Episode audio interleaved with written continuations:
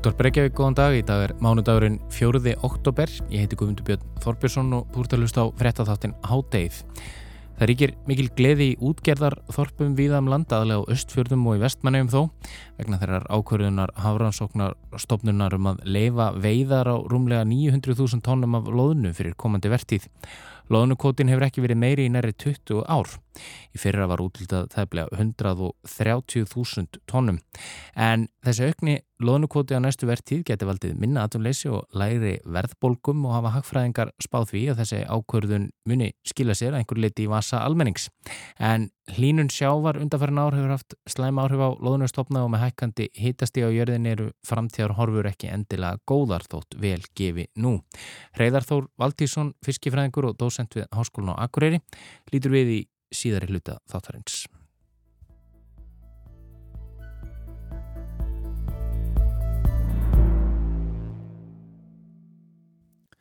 En við byrjum í boltanum. Aukaþing Knatsbyrnusambands Íslands var haldið á Hildón Nortega í Reykjavík á lögardag. Þar var sjálf kjörinn svo kvöldu bráðabreða stjórn og formaður sem munu sitja fram að ástingi í KSI í februar á næsta ári. Í nýri stjórn eru fimm konur og tíu karlar en í þeirri síðustu voru það aðeins tvær. Helstu fréttinnar eru þó þetta þær að við stjórnartöminum tekur vanda Sigurgestóttir, hún verður nýr formaður fram í februar heið minsta.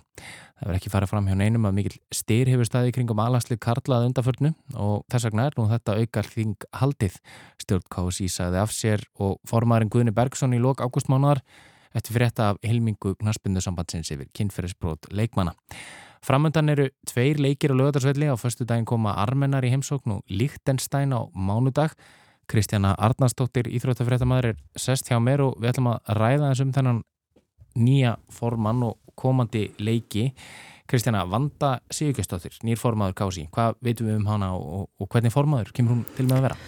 Já, þetta er mjög góð spurning. Vanda er uh, þekkt innan knaspunur hefingarinnar og hefur verið í lengri tíma. Hún hefur auðvitað stýrt fjölda liða, var fyrst hvenna til að stýra kallaliði, stýrið nesta frá Hofsósi og hefur auðvitað verið eh, já, viðlóðan knaspunur hefinguna lengi vel, var fyrst hvenna til að stýra kvennalandsliðinu og, og allt þetta og er nú fyrsta konan til að gegna formannsembætti innan knaspunu sambands Evrópu.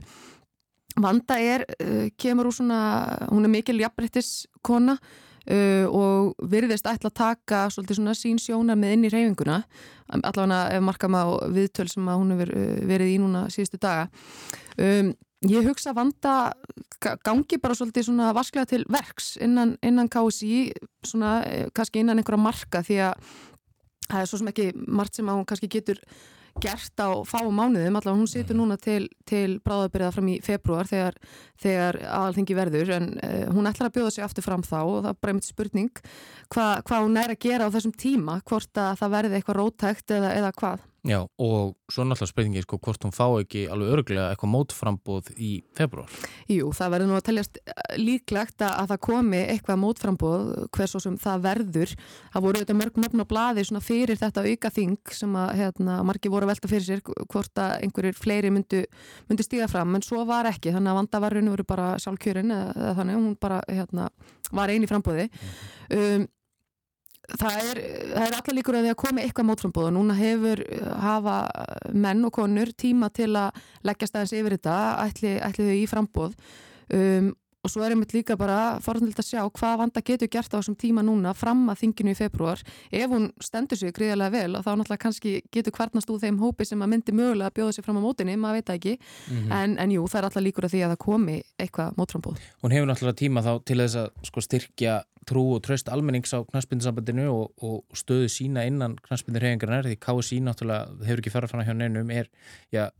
rúið trösti og, mm. og hefur verið það og það er spurning hvort það breytist núna með, með hennar tilkomu um, en ef við ekki með þess að valinu á landsliðinu fyrir mm. komandi leiki e, núna á förstu daginn og mánudaginn það vakti aðtegli vikun, vikunni að fyrirliðin Arun Einar Gunnarsson hafi ekki verið valnilega í liðið en máltengt honum og öðrum fyrirhandi landsliðsmann er komin á borð lauruglu og því var slegið fram í einu fjölmila að KSI hefði tekið fram fyrir hendur Arnars Viðarssonar landslýstjálfara sem hafi viljað velja hann í hópin en, en landslýstjálfarinn hann þvertekur fyrir það og Vanda, formaður, hún gerir það líka eh, Aron, hann vandaði svo sjálfur knarspinsambandinu ekki kveðunar í yfirlýsingu í vikunni e, Akkur eru við að ræða þetta rauninni? Er, er þetta ekki bara sko borlegjandi að þau, þau segja þarna bæði, nei, herðu, við, þetta er ákvörðum þjálfarans, ekki mhm. stjórnarinnar, en mm -hmm. það er eins og svona, já, einhverjir telli þessu orði ekki trúanleg?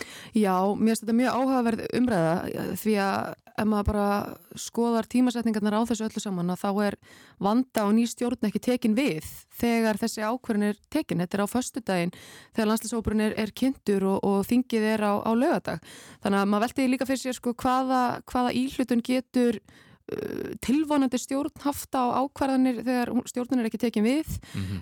um, þau hafa bæði sagt að, að, að það hafi uh, sagt, stjórnin hafi ekki haft uh, á, ákvarðununa um að Aron er ekki valinn og það hafi þó bara verið, verið þjálfarans um, maður svo sem er ennþá að velta þessu fyrir sér og klóra sér í hausnum bara hver er að segja satt og, og rétt frá því að eins og staðina núna á KSI þá held ég að gagsægi og, og bara og hérna og heiðarleiki skipti öllumáli, við erum komið þanga núna, við þurfum bara að fá skýr og hrein svör frá, frá reyfingunni því að hérna, eins og þú segir sjálfur, kási bara rúið trösti og það þarf að byggja allt saman upp, upp á nýtt.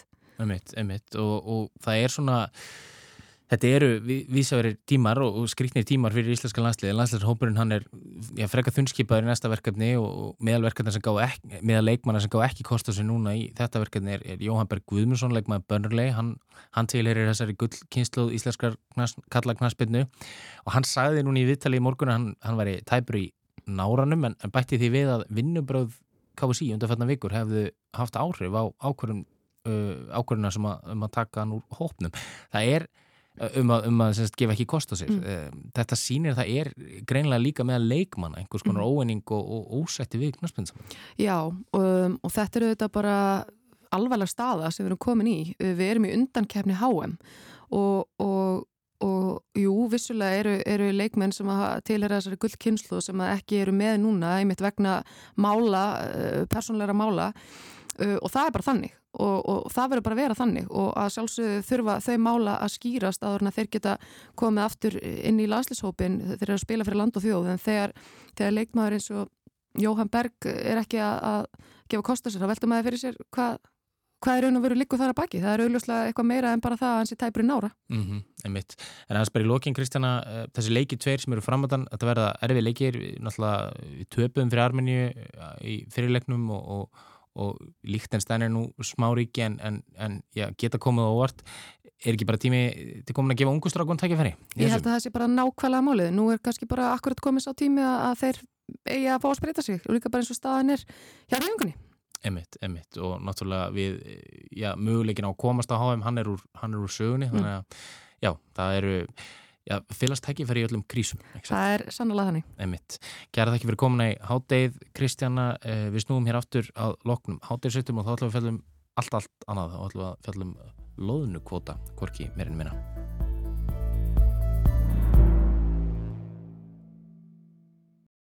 Það er ekki mikil gleði í útgerðarþorpum víða og hjá útgerðunum eftir að hafrannsóknar stopnum heimilegði veiðar á rúmlega 900.000 tónnum af loðnu fyrir komandi vertíð. En loðnu kvótin hefur ekki verið meiri í tæp, ja, í nærri 20 ár. Í ferra var útlitað tæplega 130.000 tónnum. En ákverju byggir þessi ákverðun? Reyðar Þór Valtísson, fiskifræðingur og dósend við Háskólan og Akureyri. Hann er sestur hjá okkur. Já, þetta er náttúrulega mikið núna miðað við síðustu 20 ár en ef við fyrir lengra eftir í tíman þá er þetta svona meðal kvoti. Þetta var, þetta var svona álíka mikið veitt í bara mörg ár. En eh, já, þeir einfallega mæla það mikið af, af hérna loðnu og í, hérna, í bergmálsmælingum sínum og eru reynu búin að, að, að mæla þetta áður. Loðnan er svolítið spesfiskur að því að leita að hún er svona eiginlega eini íslenski fiskurinn sem hann deyir eftir hrigningu. Þannig að þetta eru svolítið aðferðina sem er notar eru engöngu bergmálsmælingar og það er hægt að mæla hana bara allt frá, frá eins ás aldri þá getaði farið að tjekka á þessu og það var strax vísbetting þá uh, snemma að, að hérna veri góður árgangur á ferðinni. Og uh, endur mæling núna uh, eða staðfesti það að þarna er gríðarlega mikið af, af, af lónu í hafinu, miklu meiran hefur verið síðustu ár.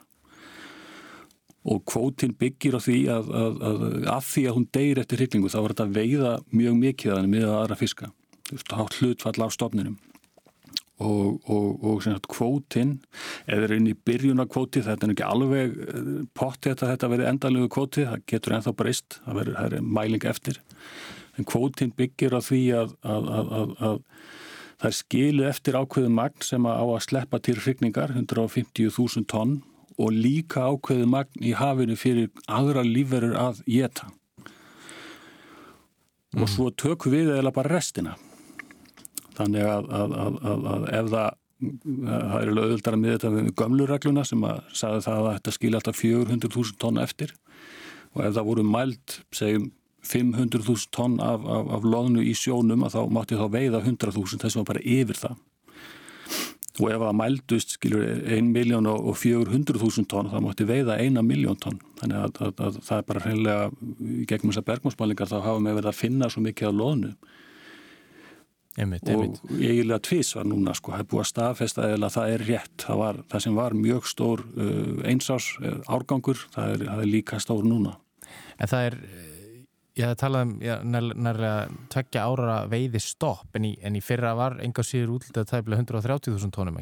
Hvernig hérna, hvað, þetta lítur svona út fyrir að vera svona mísvísandi upplýsingar, hvað er áttu við með þessu veiði, eh, tveggja ára veiðistoppi? Já, það er eiginlega bara einn árgangur í veiðinni, í, í lónunni, hún, að því hún deyr eftir hrigningu þá er bara einn árgangur. Þetta er ekki svo síld og þoskur og allir aðri fiskarnir þar sem að geta verið góður og slæmur árgangar sem geta bætt hvern annan upp í veiðinni. Mm -hmm. Þannig er bara einn árgangur. Þannig ef það er léle nýluðin og það var það árgangur sem var í fyrra, það var, var lélegur og, og, og það kom lítið og við veitum þó eitthvað, meira heldur en ofta áður. Svo, svo hérna kemur bara nýra árgangur núna. Mm -hmm. Þannig að þetta verða svo ofsalega sveiblur alltaf í loðninni miða við aðrar tegundir. Það, það eru margfald meiri sveiblur í loðninni. Mm -hmm. Það geta verið svona jafnmikla sveiblur í hverjum árgangi á þorski. En þá, þá bæta aðrir það upp, skilur. Við erum að veiða kannski 7-8 árganga á þorski, þannig að einn lélögur árgangur, hann er kannski bættur upp af, af góðum árgangi árið eftir, þannig að sveiblur verða miklu minni. Það eru svo margir árgangar í veiðin, en það er ekki svo með loðnuna. Það er bara einn hún gengur til hrigningar og, og þá veiðu hana og svo er hún bara döið þannig að svona stór afgangur núna og svona mikinn afli það þýðir til dæmis enga vegin að það þurfa að vera eitthvað góð afli, góður afli í næsta afgangi, í næsta veiði ári mm -hmm. það getur alveg hrunni líka, við veitum ekkert um það Þannig að núna, er, núna eru já, þannig að núna þarf að grípa gæsina, þetta er næstu nýföld nýföld hækkun á, á, á, hérna á veiðum og, og, hvað þýðir þetta svona bara í efnahagslegu samingi? Já, þeir voru nú búin að reikna út þetta, er, þetta myndi, myndi hérna hækka þjóðaframlistuna um, um einhver prósent, eh, þannig að þetta skiptir mál og sérstaklega fyrir, fyrir, fyrir Austurland og Vestmannið. Það er megnið af aflanum er, er, er landað á Austurlandi eða í Vestmannið það sem allar uppsjáðumvíslundar eru og fyrir þessa staði þetta, skiptir þetta miklu máli sko. En þannig að vísu verður að taka fram að, að hérna á móti þá eru aðrir uppsjáðstofnar á niðurleið. Norskýlingasíldin og kolmunin og makrillin þetta er allt stofnar sem eru, eru, eru, eru hérna að fara niður en, en sveiplundar í þeim eru miklu mikri að því það eru margir árgangar í veðinni. Þannig að það verður væntanlega lækkaður kvoti þar en, en það er ekkert svona líkingu við lónuna sem við getum farið úr sko miljón tonnu niður í núl sko milli ára. Mm -hmm. Við tölum að þessum þjóðhæslega mikilvægi aftur. Mm -hmm. Getur það eins útskýrt fyrir okkur bara hvernig, hvernig sko, já, þessir peningar eru seittlega inn í samfélagið? E, einhverju myndir nú kannski bara haldaði fram að, þessir, að þeir verði nú bara meira minn eftir hjá útgerun? Nei, neina, alls ekki. Það, það verður auðvitað eitthvað eftir þar en það er náttúrulega veiðigjöld sem að, sem að, sem að fara í ríkiskassan og það er alls konar skattar og gjöld sem fara líka í ríkiskassan að þessu miklu peningar sem að náttúrulega fara í kassan sem er, er stattur í Reykjavík. Og svo er þetta atvinnuskapandi e, svo er þetta atvinnuskapandi það eru, það eru margir að vinna við þetta þeir fá laun og svo náttúrulega er heilmikið þjónusta. Þetta eru dýr skip í rekstri þetta eru stór skip sem verður notað og þau þurfa þjónustu og olju og, og, og marga, marga, marga aðra hluti sem að, sem að þýðir að peningarnir seitla þannig inn í þetta Lóðinu nót en nú ekki okkibis? Nei, nei, nei, nei og allt í kringum þetta er, er, er mjög dýrt sko. Mm -hmm. þannig að, að, að, að ég veit nú ekki hvað, hvað útgerðina standa svo uppi með en, en, en í svona uppsöða veiðum að þá þá eru svo mikla sveiblur afnett séð að þó þið græði mikið eitt ár og ég býstu þið gerir það í ára þá getur alveg komið næsta ár þar sem að þeir græða lítið á, á, á lónunni mm -hmm.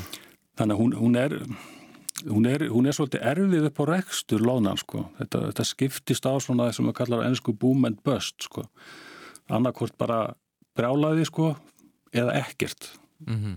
þannig að með verða, með verða nú að, að hafa eitthvað svona góð ár til þess að dekka slæma árin var þetta þess að tegund allavega mm -hmm. En í hvað er, sko, hverjir eru stærstu loðnu markaðir?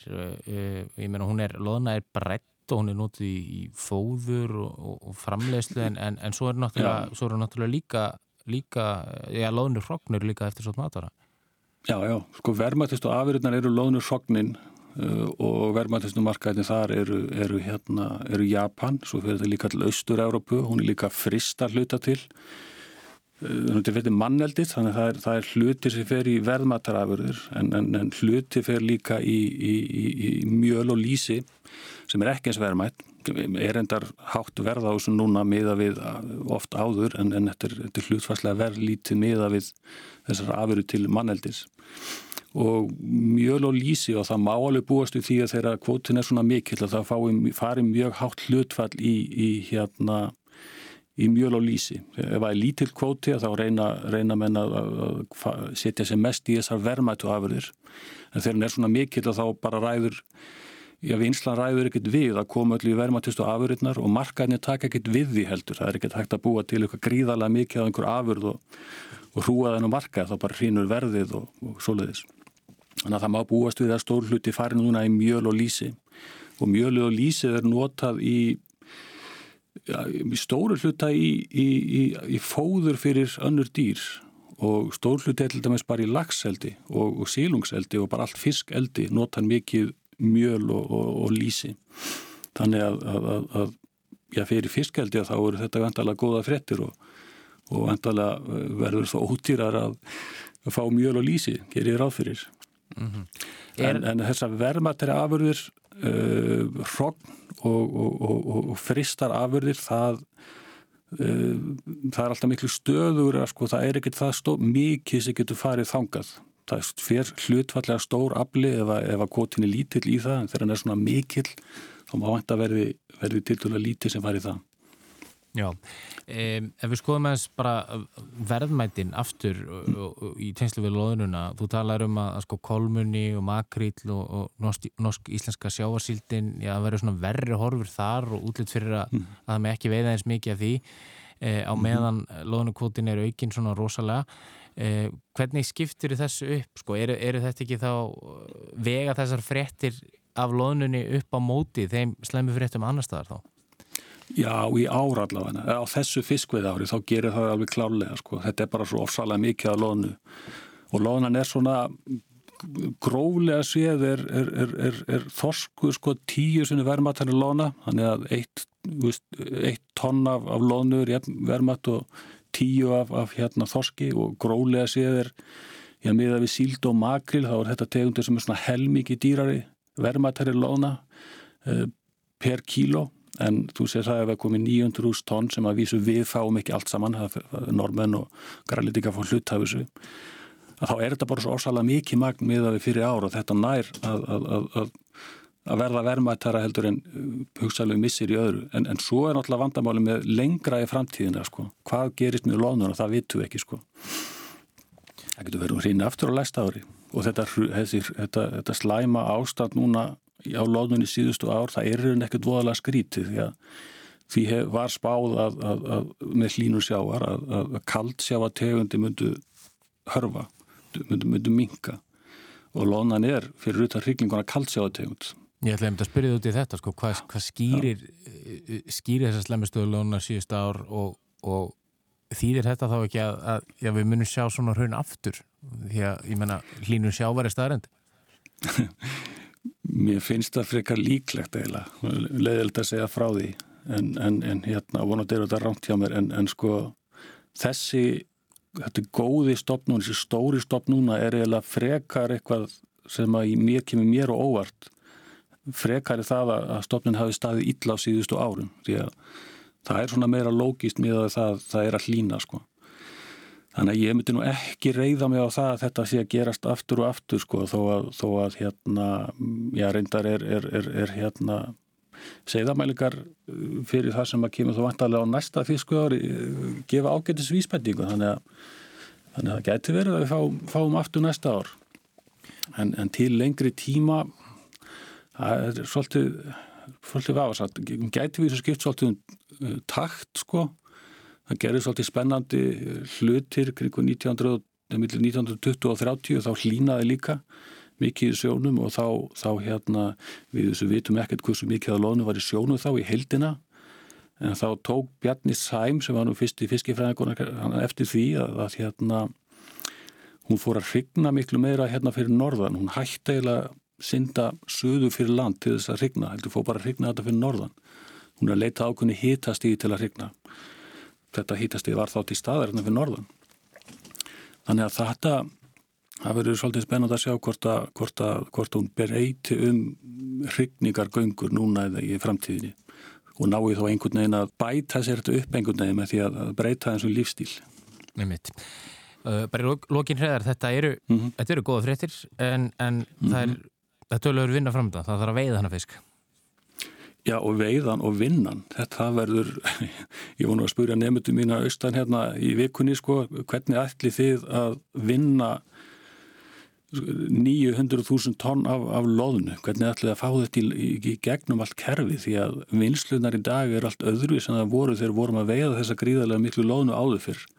Það eru já, það er farnar að leggja miklu meiri áslá gæði og það þýður ótt að það bara vinn ekki jafn mikið. Þannig að það verður mjög fróðlegt að sjá hvernig, hvernig heila eða koma þessu rosalega magni í gegnum veiðar og vinslu hérna, hvort það verður hægt bara hreinlega.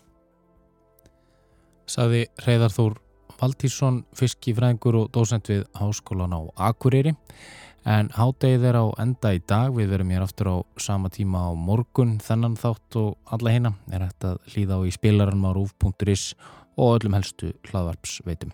Verðið sæl.